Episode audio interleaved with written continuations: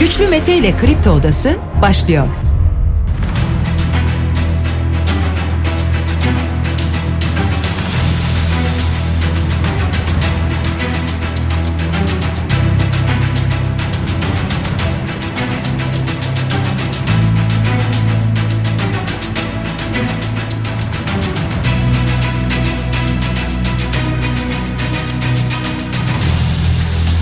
...4 Ocak çarşamba sabahından Kafa Radyo'dan Kripto Odası'ndan tüm Türkiye'ye yurt dışında bizi dinleyen dinleyicilerimize günaydın. Hepinize sağlıklı ve güzel bir gün dileyerek her sabah olduğu gibi programımıza başlıyoruz. Bugün de Kripto Odası'nda sizlerle beraberiz.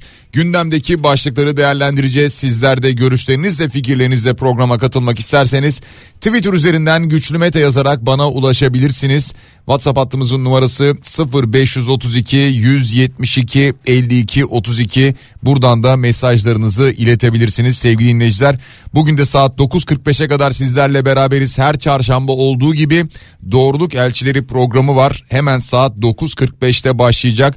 Cansel Poyraz Akyol sizlerle birlikte olacak. Bugün konuğu Profesör Doktor Sinan Canan. Onu da hatırlatalım ve gündemdeki başlıklarla başlayalım. Malum dünden bu yana TÜİK verileri konuşuluyor. TÜİK enflasyonu yıllık olarak %64.27 açıkladı. Enak %137.5 diyordu biliyorsunuz.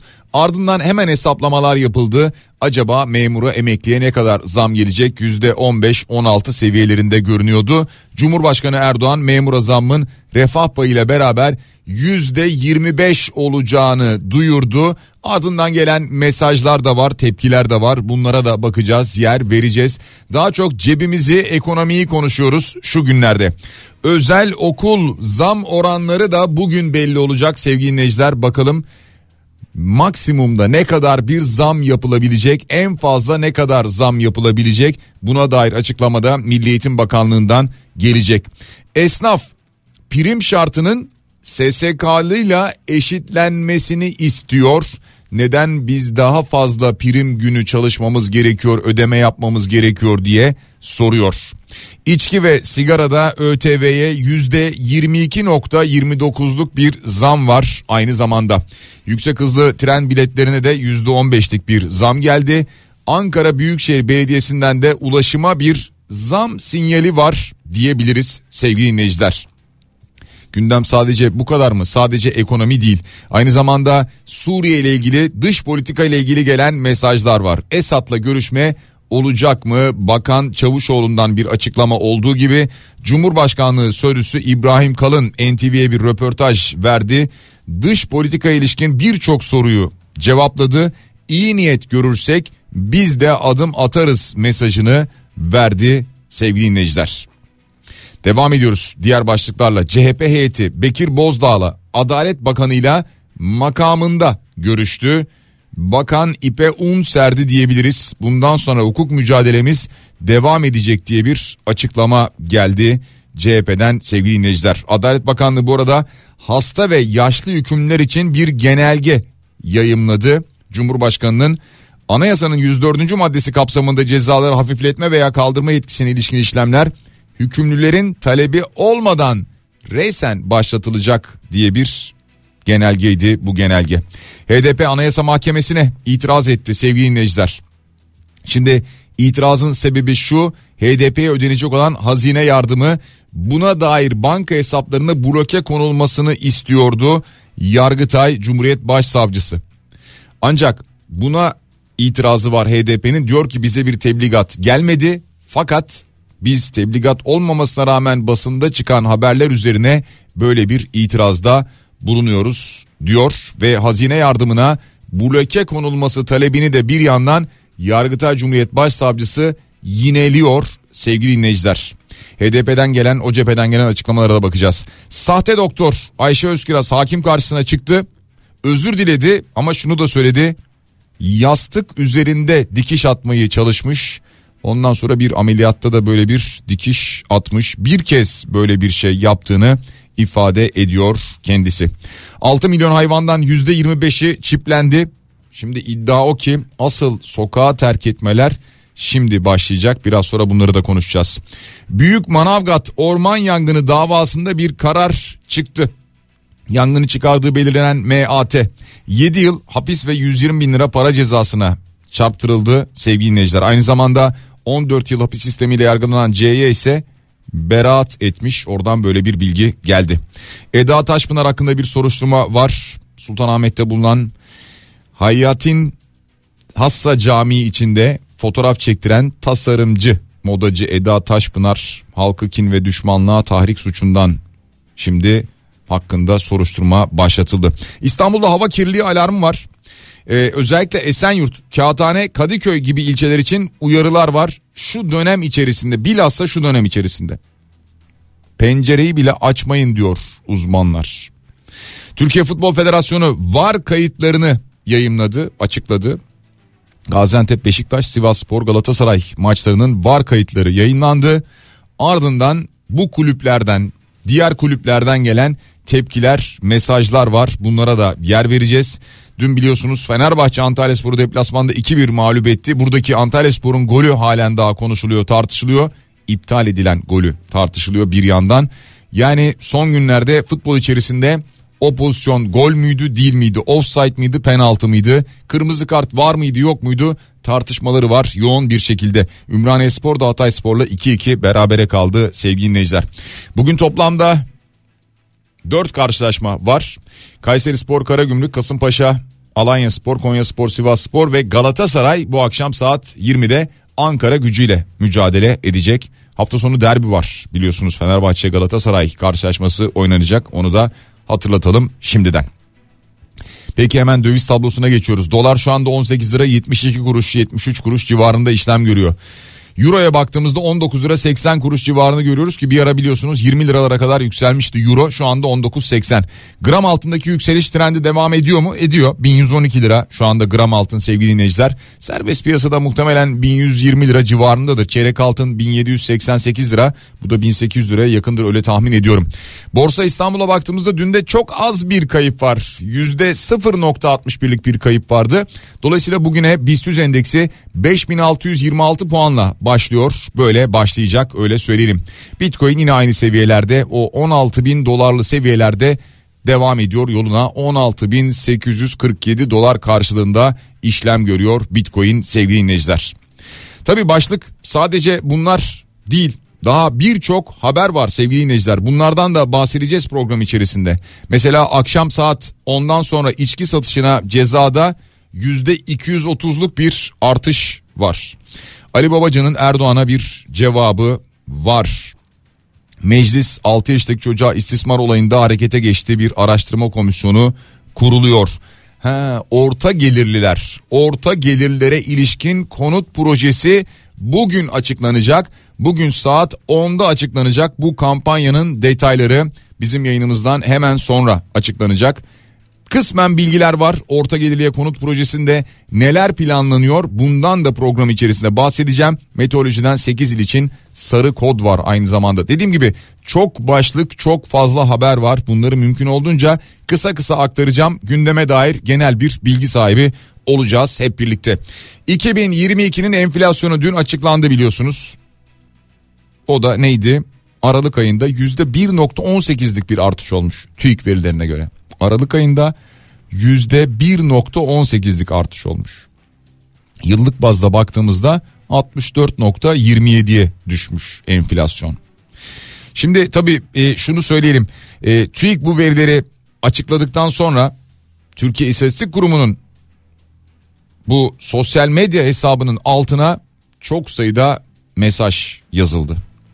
Ee, insanlar vatandaşlar tepkiler gösterdiler. Yani şimdi bir kısmını e, burada okuyamayabilirim bile ama e, dininize, imanınıza, kitabınıza ya da her neye inanıyorsanız onun adına bu oran gerçek mi diye sormuş mesela birisi. E, kul hakkıyla öbür dünyaya gidecek olmanın ağırlığı nasıl bir duygu diyor bir başkası. Yani Twitter'a girdiğinizde sosyal medya hesabı altında bunları görüyorsunuz. Açıklanan bu verilere inanmamızın mümkünatı yoktur diyor mesela. Enflasyon böyleyse asgari ücrete neden %56 enflasyon %56 ise memura neden %16 diyor bir başkası. Yani insanlar tepkilerini doğal olarak dile getiriyorlar. sonunda olan oldu enflasyon gayet normalmiş gibi olan oranıyla açıklandı diyor bir başkası. Yeniden değerleme oranı yüzde 123. Tabi o sırada daha yüzde 25'lik zam oranı açıklanmamıştı ama enflasyon yüzde 123 ama yüzde 16 mı ee, pardon yeniden değerleme oranı yüzde 123 ama zam yüzde 16 mı diye soranlar vardı. E tabi şöyle söyleyelim yüzde 123'lük bir yeniden değerleme oranı var. Yani birçok cezada harçta ödeyeceğimiz oranlar bu şekilde yükseltildi arttırıldı. Ama zam kısmına gelince yüzde 25'te kaldı. Şimdi mesela bugün özel okullarla ilgili de bir açıklama yapılacak. Denecek ki işte özel okulların e, tavan uygulayabileceği artış şudur denecek. O artış ne olacak? Mesela yüzde 25 biz memura yüzde 25 verdik. E, o yüzden yüzde 25'i geçemez deme ihtimalleri var mı? Yok. Özel okullar batar.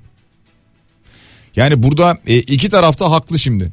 Yani şimdi öğrenci de veya öğrencinin velisi de haklı. Özel okul açısından bakın o da haklı. O da diyor ki benim giderlerim inanılmaz arttı. E çalışan var, personel var, öğretmenleri var. Onların giderleri. Şimdi e, bakalım bugün ne çıkacak özel okullarla ilgili. Bugün bunu e, Milli Eğitim Bakanlığı bir açıklama yaparak gösterecek ama şunu söyleyelim. Belki de Cumhurbaşkanı Erdoğan mı yapar bilmiyorum. Yani ama Milli Eğitim Bakanı yarın açıklarız dedi. Fakat şunu söyleyelim. Normalde e, yurt içi üfe tüfe oranlarının ortalamasına artı eksi 5 eklenerek hesaplama yapılıyor. Yani normal şartlarda en yüksek zam oranı yüzde 105 olabilir gibi görünüyor. Şimdi yüzde 105 deyince bir anda irkildiniz değil mi? Yani özellikle çocuğunu özel okula gönderenler. Yüzde 105 ne demek? İki katı demek yani. Ama bakalım nasıl bir açıklama gelecek? Yani normal hesap bu şekilde mi olacak? Buna göre mi yapılacak? Yoksa bir dakika ya yüzde yüz beşti ama biz onu yüzde doksana mı indirdik denecek göreceğiz. Ama yıllık enflasyon için enflasyon araştırma grubu ne diyordu? Dün programda söyledik yüzde yüz otuz yedi buçuktur Türkiye'de enflasyon diyordu. Ki siz hangisini daha çok hissediyorsunuz? Yani yüzde 64 mü yaşadınız hayatınızda yüzde 137 buçuk mu yaşıyorsunuz acaba? Nasıl hissettiniz bu seneyi bir seneyi nasıl hissettiniz? Kemal Kılıçdaroğlu'ndan bir tepki var maaş artışına yüzde 25'e. Yüzde 25 gelmiş içlerinden diyor. Siz sadaka mı veriyorsunuz? TÜİK zamanı gelince bunun bedelini ağır ödeyecek. Bu rezil artışın hesabını hepiniz vereceksiniz diyor Kemal Kılıçdaroğlu. CHP'den yine grup başkan vekillerinden Özgür Özel'den Engin Özkoç'tan gelen açıklamalar vardı. Bu oranın doğru olmadığını söylediler. Memur ve emeklilerin cebinden para çalındığını ifade ettiler yaptıkları açıklamalarda. Peki sevgili dinleyiciler. Şimdi Nurettin Nebati de diyor ki bu tip rakamlarda kimse kafasına göre bir veri açıklayamaz diyor. Ya bunu daha önce de konuştuk. Şimdi TÜİK kafasına göre bir veri açıklıyor olabilir mi?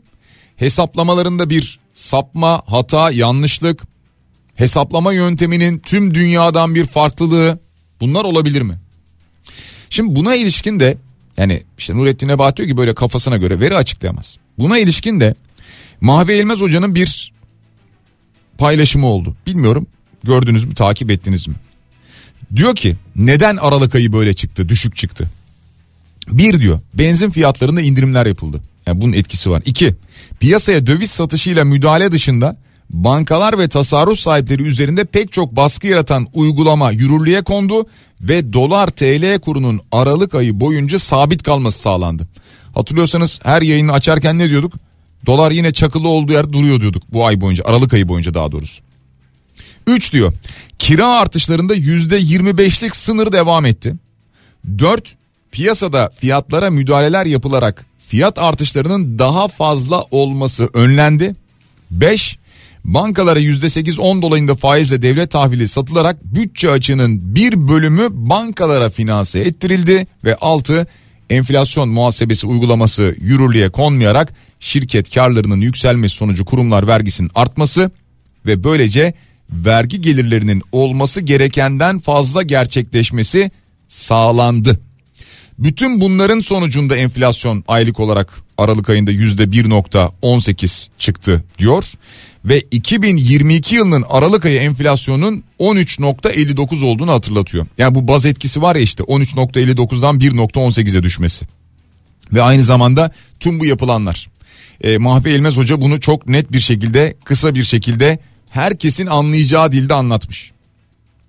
Şimdi tüm bunlar hesaplandıktan sonra ne oldu? Dendi ki memur ve memur emeklileri yüzde 16.47 SSK ve Bağkur emeklileri yüzde 15.39 zam alacak dendi. Aslında bugün için bir beklenti vardı. Bir refah payı ne kadar gelir üstüne ne olur bu zam oranı diye ama dün Cumhurbaşkanı Erdoğan bunu belki de sürpriz bir şekilde açıkladı. Memur ve emekliye zam oranının biliyorsunuz yüzde 25 olduğunu olacağını söyledi. Ee, şimdi bu durumdan memnun musunuz değil misiniz? Ben pek memnun olan görmedim. Yani yüzde 25'ten memnun olan görmedim. Ee, yüzde 25 aynı zamanda e, Türkiye'de bütün sektörleri de etkileyecek bir oran. Yani öncelikle asgari ücret evet sektörü etkiliyordu doğru. Ee, orada bir yüzde 54 civarı artış vardı. Şimdi işte memura emekliye baktığınızda çalışana baktığınızda yüzde 25'lik bir zam öngörüldüğü için bu kez bütün sektörler bu yüzde 25'i kullanmaya başlayabilir. Ee, bir dinleyicimiz diyor ki bizim okul zammı belirledi ve ödemeyi peşin aldı. Yüzde yüzün üzerinde zam yapıldı. Milli Eğitim Bakanı açıklama yapacak yapılan ödemeyi geri mi verecek diyor. Şimdi geçtiğimiz sene yine böyle e, zamlar yapıldı. Zamlar yapıldıktan sonra geçtiğimiz yıl biraz daha da geç ama Cumhurbaşkanı Erdoğan bir sınır koymuştu hatırlayacak olursanız. E, bir açıklama yapmıştı yani hükümet netice itibariyle öyle söyleyelim bir sınır koymuştu. Şimdi benzer şekilde yanlış hatırlamıyorsam geçen yıl yüzde 36 civarıydı. Yani bu sefer yüzde 36'dan fazla olacaktır o sınır ama benzer şekilde bu senede bir sınır gelirse bazı okullar aradaki farkı iade etmişlerdi. Bazı okullar hepsi değil. Orada da okulu önemli. Yani hangi okul olduğu, nasıl bir okul olduğu, e, etik değerleri, e, işte kanuna karşı duruşları bunlar önemli. Memlekette orta gelirli mi bıraktılar diyor dinleyicimiz. 2007 yılında ben maaşımla 2 yıl boyunca hem kira hem ev taksidi ödeyip ev sahibi oldum. Şimdi ev kirası ödesem ay sonunu getiremem diyor. Abdullah Bey göndermiş. Bir dinleyicimiz bir kolejle ilgili artışın yüzde 300 olduğunu söylüyor. Yani yüzde 300 demek şu manaya gelir. Yüzde 300 mü? Çünkü 100 lira ödüyorsanız şu an yüzde 300 artışla 400 lira ödemeniz gerekir de o yüzden. Yani 100 lira derken mesela 100 bin lira ödüyorsanız e, yıllık şu anda 400 bin lira ödemeniz gerekir. Öyle mi oldu? Yani bu kadar olmaması lazım o yüzden söylüyorum. Ee, işte şimdi bakanlıktan bir açıklama gelecek. Ee, ardından da dinleyicilerimiz soruyorlar diyorlar ki peki diyelim açıklama geldi. Dedi ki bakanlık işte yüzde 50, 60, 80, 90 neyse. Ama bizim okulumuz daha fazla istedi ne olacak? Nereye şikayet edeceğiz ki diyorlar. E, o zaman e, ilçe Milli Eğitim Müdürlüğü'ne, il Milli Eğitim Müdürlüğü'ne buralara şikayet edebilirsiniz. Geçen yıl yemek dahil 22 bine kayıt ettirmiştim kızımı. Bu sene 50 bin lira oldu. Siz hesap edin diyor. 50 bin lira olursa işte %100'ün biraz üzerinde. %110, %120 veya neyse bu civarda bir artış yapılmış. Zaten zaten şu anda açıklanan TÜİK verilerine göre bile yüzde 105'e kadar bir tavan artışı yapılabilir görünüyor. Ama bakalım bakanlık ne zaman yapacak bu açıklamayı ve o oran nasıl bir oran olacak? Muhtemelen dediğim gibi yani sadece bakanlık yapmayacak bu açıklamayı ya Cumhurbaşkanı Erdoğan yapar ya da Erdoğan'ın bir onayı alınır ondan sonra böyle bir açıklama yapılır. EYT düzenlemesi meclise önümüzdeki hafta gelecekmiş sevgili dinleyiciler. Emeklilikte yaşa takılanlar siz biz hepimiz neyse e, ayrı bir teklif olarak önümüzdeki hafta meclise gelecekmiş. Yani hani bu hafta görüşülür, ilk hafta görüşülür falan deniyordu ya. Şu anda yargı paketi vardı mecliste görüşülen. E, o nedenle bu paket içerisinde değil, yani bu torba yasa içerisinde değil, ayrı bir teklif olarak önümüzdeki hafta EYT düzenlemesi görüşülecekmiş. Aralık ayının TÜİK verilerine göre zam şampiyonu konut sigortası olmuş. %79.26 ile konut sigortası.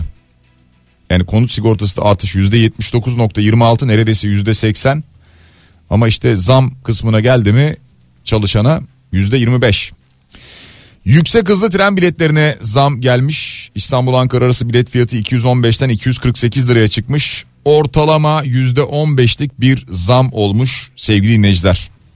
Alkol ve sigarada ÖTV zam miktarı belli oldu. Bu açıklanan verilerle birlikte enflasyondaki verilerle birlikte alkollü içki ve sigarada ÖTV tutarı %22.29 arttı.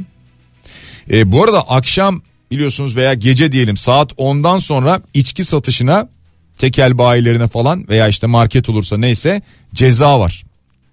E, o cezanın yüzde 230 zamlandığını söylüyor tekel bayileri platform başkanı Özgür Aybaş'tan geliyor bu açıklama. Saat 10'dan sonra içki satışına kesilen ceza 1 milyon 60 bin liraya kadar zamlandı diyor. Yani bu dükkanı kapat git anahtarını bize ver cezasıdır. Dünyanın hiçbir ülkesinde böyle ölçüsüz bir idari para cezası yoktur. Yasa vardır ama böyle bir rakam yoktur diyor. E tabi dünyada çeşitli ülkelerde farklı yasalar var doğru. Yani içki satışını sınırlamaya yönelik, engellemeye yönelik gece belli bir saatten sonra işte belli bir yaş grubuna vesaire bunlar var doğru. Ya bunların cezaları da var da şimdi üst limit 1 milyon 60 bin lira mı olmuş? Yani diyelim sattı gece veya bir daha sattı üstüne falan. Böyle mi olmuş yani? Ya bir de bununla böyle başa çıkılmıyor. Yani çıkılamıyor yani çok net görüyoruz. Yani normalde böyle gitmiyor işleyiş onu demek istiyorum. Neyse devam edelim. Gündemdeki diğer başlıklara bakacağız sevgili dinleyiciler. Ha bu arada diğer başlıklara geçmeden şundan da bir bahsedeyim kısaca. Ee, bir teklif vardı. CHP'nin teklifi meclise geldi. En düşük emekli maaşının asgari ücret seviyesine çekilmesi için bir kanun teklifi verdi CHP. Anlatabildik değil mi? En düşük emekli maaşı asgari ücret seviyesine çekilsin dedi CHP. E, AKP ve MHP tarafından bu oylandı ve reddedildi. Onu da hatırlatmış olalım sevgili dinleyiciler. Kamu Emekçileri Sendikaları Konfederasyonu'ndan kesken bir e, açıklama vardı. TÜİK'in sahte rakamları maaşlarımızı eritiyor dediler. Ve bugün TÜİK'in önünde bir eylem düzenleyecek KESK. O eyleme müsaade edilir mi edilmez mi bunları göreceğiz. Hadi ekonomiyle bir daha devam edelim sonra diğer başlıklara geçeriz. Orta gelirliye konut projesi. O da bugün açıklanacak. Yani tahminen saat 10'da açıklanması bekleniyor. Yani aşağı yukarı yarım saat 40 dakika sonra açıklanması bekleniyor. Peki nasıl olacak bu orta gelirliye? Ee, orada bir tabii ki e, aylık kazanç bunlara bakılacak. Yani orta gelirli misiniz değil misiniz bunlara bakılacak. Ee, konut kredi faizlerinin yüzde birin altında olması planlanıyor. Gelire göre kademeli bir uygulama yapılacağı söyleniyor. Ee, yine aşağı yukarı 15 yıllık bir taksit imkanının olabileceği söyleniyor. Bunlar hep duyumlar Ankara'dan gelen duyumlar. Ee, ilk kez ev sahibi olacak olanlara öncelik tanınacak. Yani bir evi olan ikinci evi almak değil de ilk kez ev sahibi olanlar öncelikli olacak burada. E tabi bir gelir sınırı şartı belirlenmesi de planlanıyor. Bunlar muhtemelen bugün açıklanacak. Çünkü saat 10'da böyle bir toplantı olacak sevgili dinleyiciler bunu da hatırlatmış olalım. Ve bir reklam arasına gidelim. Reklamların ardından yeniden buradayız. Kripto Odası devam ediyor sevgili dinleyiciler. Reklamların ardından yeniden sizlerle beraberiz. Tabi ağırlıklı olarak ekonomiyle ilgili gelen %25'lik zam oranı ile ilgili dinleyicilerimizden mesajlar geliyor. Bir yandan özel okullara ilişkin beklentiler ve fiyat örnekleri de var. Mesela bir dinleyicimiz net rakam veriyorum diyor. Antalya'da özel bir okul geçen sene 27 bin lira alırken bu sene 90 bin lira talep ediyor diyor gönderdiği mesajda. Yani burada da aşağı yukarı şöyle bir 3 katına çıkıyor. Yani %200'ün üzerinde bir zam var gibi görünüyor. Ee, bir başka dinleyicimiz şunu söylemiş. Özel okul ücretlerinde yemeği ayrı hesaplayıp faturalandırıp oradan aşıyorlar zam oranını diyor. Yani diyelim ki şu anda %80 denecek zam oranı maksimum yapılabilecek olan tavan oran bu denecek. Ama okul yemek fiyatıyla bunu aşacak diyor dinleyicimiz bu mesajı veriyor. Burada da diyorum ya okul önemli. Yani özel okul önemli. O okulun değerleri, etiği, e, yasa karşısındaki duruşu e, bunların hepsi önemli. Veliye karşı duruşu bunların hepsi önemli. E, lütfen özel okul öğretmenlerinde sesi olun. Bu açıdan kimse bakmıyor. Çok yoğun çalışma şartları var ancak maaşlar çok çok düşük. Haklısınız. Veliye yapılacak olan zammı beklemekten başka çaremiz yok. Herkes kendi açısından bakıyor. Veliler daha kaliteli eğitim için özel okul seçiyor ancak öğretmen giderse kalite kalmaz diyor dinleyicimiz. Çok haklısınız çok doğru. Ee, bütün özel okullar için bunu söyleyemeyiz ama bazı özel okullar çok düşük ücretlerle çalıştırıyorlar. Asgari ücret veren özel okullar var öğretmenlere. Daha sonra iyi eğitim, iyi kaliteli eğitim bekleniyor o öğretmenlerden. Bunlar tabii ki zor. Özel okul öğretmenlerinin çalışma standartları, koşulları da öyle kolay değil. Doğru. Ya umarım alınan o zam oranlarında aynı şekilde çalışanlarına, personeline, öğretmenine de yansıtır bunları özel okullar. Ee, Günaydın 5 milyon lira bir evin aylık kredi faizi %1 olsa 15 sene vade için aylık 55-60 bin lira geri ödeme çıkar. Hangi orta sınıf hangi ilk evini alan bunu ödeyebilir diyor dinleyicimiz. Peki burada ev fiyatları daha düşük olabilir bilmiyorum. Bugün e, saat 10 civarı bir açıklama gelecek en azından onu da göreceğiz takip edeceğiz sevgili dinleyiciler. Patronların vereceği maaşa gönlünden %54 koptu kendi vereceği maaş için %25 koptu diyor dinleyicimiz göndermiş olduğu e, mesajda peki. Staj mağdurlarını unutturmayın lütfen diyor. Evet EYT'de staj mağdurları var ama o stajın e, sayılmayacağını e, bakan Vedat Bilgin daha önce de söyledi. Stajın aslında bir eğitim olduğunu ifade etti. Yani çalışma hayatıyla e, bağdaştırılamaz dedi. Yani orada bir adım atılacak gibi görünmüyor şimdilik. Ve devam ediyoruz sevgili dinleyiciler. Bakın e, eski Ülke Ocakları e, Eğitim ve Kültür Vakfı Başkanı aynı zamanda Hacettepe Üniversitesi öğretim üyesi doçent doktor Sinan Ateş Ankara'da öldürüldü biliyorsunuz. E, üzerine çok fazla haber yapılmıyor. Yapılıyor ama böyle e, muhalefetten daha çok tepki var gibi ağırlıklı olarak. E, mesela e, Kemal Kılıçdaroğlu bu cinayete ilişkin suskunluğunu koruyan MHP lideri Devlet Bahçeli'ye de tepki gösteriyor. E, ve kendilerinde tahmin edilenden daha fazla bilgi olduğunu söylüyor. Yani düşündüğünüzden fazlasını biliyoruz biz uyarıyorum diyor. Yani bu konuda bir adım atılması gerekiyor diyor yaptığı açıklamada. Şimdi bakın eski Ülke Ocakları Başkanı Sinan Ateş cinayetinde 3 kişinin gözaltına alındığı bilgisi geldi. 3 kişi gözaltına alındı dendi. Ve bir iddia daha var ki MHP Mersin milletvekili Olcay Kılavuz'un evinden birisi gözaltına alındı. Yine işte tetikçilere yardımla suçlanan Tolgahan Demirbaş.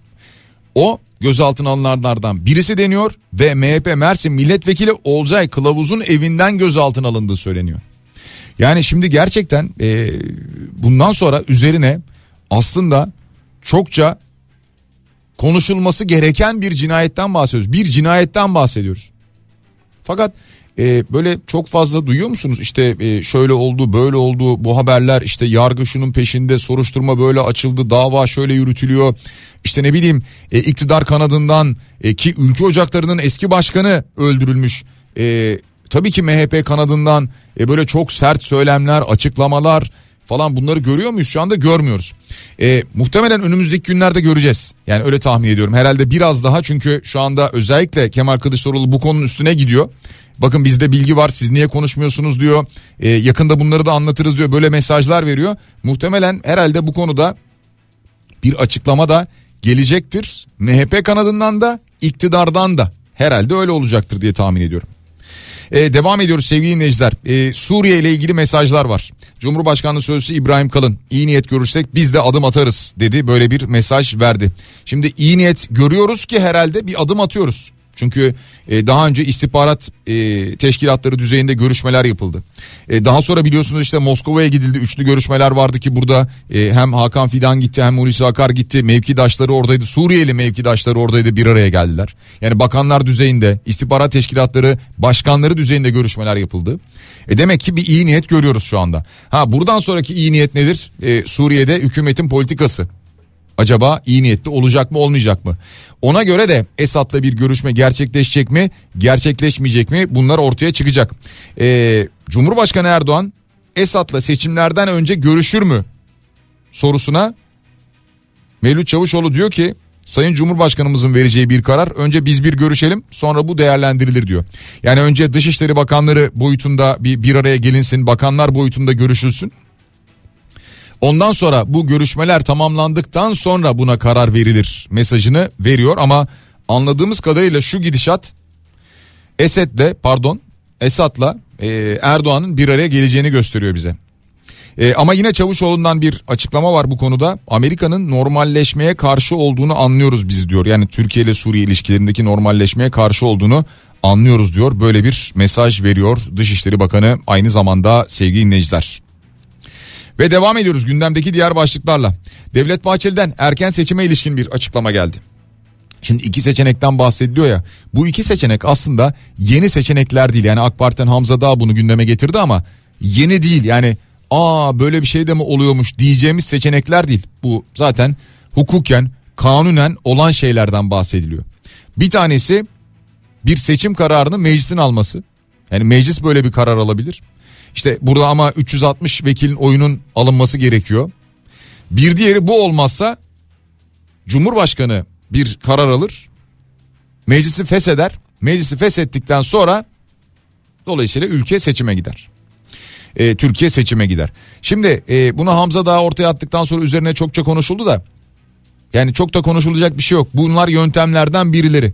E, biraz daha erken olacaksa bu seçim eğer. E, Devlet Bahçeli de diyor ki biz iki seçeneğe de hazırız. İki yol da hukukidir diyor. Evet ama burada ikinci yol sanki daha hukuki. Yani Cumhurbaşkanı'nın e, meclisi feshetmesi. Çünkü e, burada da e, başka bir takım sorunlar var ya işte Cumhurbaşkanı acaba Cumhurbaşkanı demeyelim de Erdoğan acaba e, ikinci kez mi aday olmuş olacak? Üçüncü kez mi aday olacak tartışması var ya. İşte bir kanat diyor ki hayır bu ikinci kezdir, e, hayır üçüncü kezdir diyen var. Neyse bu tartışmaların da önüne geçebilir bu feshetme durumu deniyor. O yüzden belki de bu yöntem kullanılacak. Belki de o nedenle şimdi şimdi daha çok dile getiriliyor. Bu konu öyle tahmin ediyoruz. Ve devam ediyoruz sevgili dinleyiciler. Ali Babacan'ın yapmış olduğu bir paylaşım var. Ekonomi ilişkin e, Cumhurbaşkanı Erdoğan'ın söylemiş olduğu sözlere dair bir paylaşım. Diyor ki Sayın Erdoğan tek imzayla yönettiği ekonomiyi batırınca yine bizim dönemdeki başarılarla övünüyor. Rahat olsun krizden çıkış planı yine bizim elimizde kendisinin birkaç ay sonra bize devredeceği borçları da kapatacağız diyor yapmış olduğu açıklamada. Ve hemen hızlıca HDP kanadına geçiyoruz. Programın başında söylediğim başlıklar arasında. HDP Anayasa Mahkemesi'ne başvurdu. Ee, şimdi Yargıtay'ın talebinin doğrudan siyasete müdahale olduğunu söylüyor. Ki Yargıtay'ın talebine bir defa e, Anayasa Mahkemesi'nde biliyorsunuz HDP'nin kapatılması davası dosyası var. Bu görüşülüyor bir yandan. Bir yandan da Yargıtay Cumhuriyet Başsavcısı ne istemişti? HDP'nin hazine yardımı yapılan hesaplarına bloke konulmasını istemişti. Yani hazine yardımından muaf tutulsunlar, ulaşamasınlar. Bu istenmişti, talep edilmişti. İşte şimdi buna ilişkin HDP bir itirazda bulunuyor. Diyor ki bize bir şey tebliğ edilmedi. Yani resmi tebliğ edilmiş olan bir şey yok. Ama basında o kadar çok böyle haberler çıkıyor ki biz de Anayasa Mahkemesi'ne bu süreçle ilgili bununla ilgili dahil olduk ve itiraz ettik diyor. E, bugün gelen haberlere baktığımızda yine Yargıtay Cumhuriyet Başsavcısının e, yeniden bu hesaplara bloke konulmasını talep ettiği yönünde gelen bilgiler var. Göreceğiz bu birkaç gün şimdi önemli. Devam ediyoruz sevgili dinleyiciler. Sahte doktor Ayşe Özkiraz. Ee, hakimin beyaz önlükle hastane önündeki fotoğrafını sorması üzerine bu önlüğün sekretere ait olduğunu söylemiş. Birkaç kez ameliyatlarda dikiş attığını ifade etmiş. Hatta doktor bey bana yastık üzerinde dikiş çalışabilirsin dediği için yastık üzerinde dikiş çalışıyordum diyor. Nasıl? Yani doktor değil bir eğitimi yok bu konuda. Ee, ve dikiş çalışması için de makas iğne falan alıyor yastık üzerinde çalışıyor ve birkaç kez de ameliyatlarda dikiş attığını söylüyor. Ama Türkiye'de e, her şeyin sahtesi var işte doktorun da sahtesi var. Yani doktor değil zaten. İşte sahte. Neyse. Ee, geçtiğimiz gün e, Kur'an kursunda işte ders veren bir imam vesaire falan dendi ama o da sahte çıktı. Mesela o da öyle bir yetkinliğe sahip değilmiş mesela. E, Türkiye'de sahteciliği çok görüyoruz da e, verilen kanser ilaçlarının sahte çıktığını biliyor musunuz? E, Murat Arel bunu ortaya çıkartıyor. Türkiye gazeteci Murat Arel e, Türkiye devlet kurumları aracılığıyla getirilen bir kanser ilacının sahte olduğunun ortaya çıktığını söylüyor. E, ee, SGK içinden bir kaynak kan kanserinin son aşamasında kullanılan ve yurt dışı ilaç tedarik listesinde yer alan bir ilacın sahte olduğunu ilgililere bildiriyor. İnceleme yapılıyor. Türkiye'de herhangi bir sonuç alınamıyor ama İsviçre İlaç Denetleme Kurumu yaptığı analizde ilaçların sahte olduğunu ortaya çıkarıyor. Nasıl? Yani e, hastanıza belki de aldığınız bir ilaç yani tamamı değil tabi bu ilaçların da bir tanesi sahte çıkıyor. Kanser ilacı hem de. İşte hani bu sahtecilikten bahsediyorduk ya bizim ülkemizde çok vardır böyle sahtecilik. Devam ediyoruz sevgili dinleyiciler. 6 milyon hayvandan %25'i çiplendi. Şimdi yani kimliklendirildi veya öyle söyleyelim. E, tüm bunlar iyi. Yani bir kimliklendirme çalışması. Ama burada günlerdir söylüyoruz. Bizde iş böyle son güne kaldı mı? Son anda bir heves ederiz. Son anda bir gideriz falan. E, son anda gittik. Gidenler gitti. Gidemeyenler Gidemeyenler şimdi diyorlar ki biz böyle işte 3000 küsur lira 3642 lira falan bir para cezası ödeyemeyiz. E, e evet eğer olursa bizim hayvanımız bu şekilde bulunursa da bu cezayı ödeyemeyeceğimiz için biz hayvanımızı sokağa bırakıyoruz. Şimdi bu bir defa hiçbir vicdana sığmaz bence de. Ee, yani genel olarak da gerçekten böyle bir evinde e, hayvan sahiplenmiş ona bakan birisinin e, bu bakmış olduğu dostunu patili dostunu ben dışarı bırakacağını falan zannetmiyorum. Ama bir de biliyorsunuz hani göstermelik aman alalım bir evde dursun falan diye böyle sanki süsmüş gibi sanki bir canlı değilmiş gibi evine alanlar vardır ki onlar bırakıyor olabilirler evet. E, şu anda zaten bundan bir şikayet var. Asıl sokağa terk etmelerin şimdi bundan sonra başlayacağı söyleniyor. E, bu da işin acı yanı. Ama bir kez daha söylüyorum. Ya bir kez daha buradan rica ediyoruz.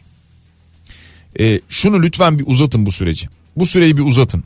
Yani 31 Aralık 2022 idi evet tamamlanmadı doğru haklısınız insanlar gitmedi ama amaç burada hayvanları kimliklendirebilmekse eğer amaç buysa yani cezadan para kazanmak değil hayvanları kimliklendirmekse eğer bu süreci en azından bir iki ay daha belki üç ay daha bir uzatın görecekseniz daha fazla kimliklendirilen hayvan olacak.